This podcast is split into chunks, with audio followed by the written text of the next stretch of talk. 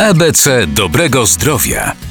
W tym wydaniu naszego cyklu przypominamy wszystkim panom, jak ważne dla ich zdrowia są regularne badania. W poprzednim odcinku informowaliśmy m.in., że mężczyźni zdecydowanie częściej niż kobiety chorują na nowotwory złośliwe.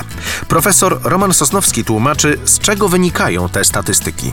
Nowotwór gruczołu krokowego jest najczęstszym nowotworem w Polsce, na który zachorowują mężczyźni. Gruczoł krokowy, prostata to jest narząd, który występuje tylko u mężczyzn i nowotwory takie jak rak pęcherza moczowego czy rak nerki również częściej występują u mężczyzn. Być może jest to związane z paleniem papierosów jako czynnikiem ryzyka, bo więcej mężczyzn statystycznie pali niż kobiety. Nowotwór zarodkowy jąder dotyczy mężczyzn w drugiej, trzeciej, czwartej dekadzie życia. Jest to rzadko występujący nowotwór, ale nowotwór, w którym to mężczyzna poprzez samo badanie może uchwycić tą chorobę w bardzo początkowym etapie. Podsumowując, tak, mężczyźni częściej chorują na nowotwory układu moczopłciowego niż kobiety. Bądźmy wspólnie czujni, my mężczyźni wraz z naszymi najbliższymi.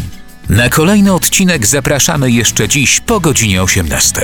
Kampania społeczna Planuje Długie Życie realizowana w ramach Narodowej Strategii Onkologicznej we współpracy z Ministrem Zdrowia.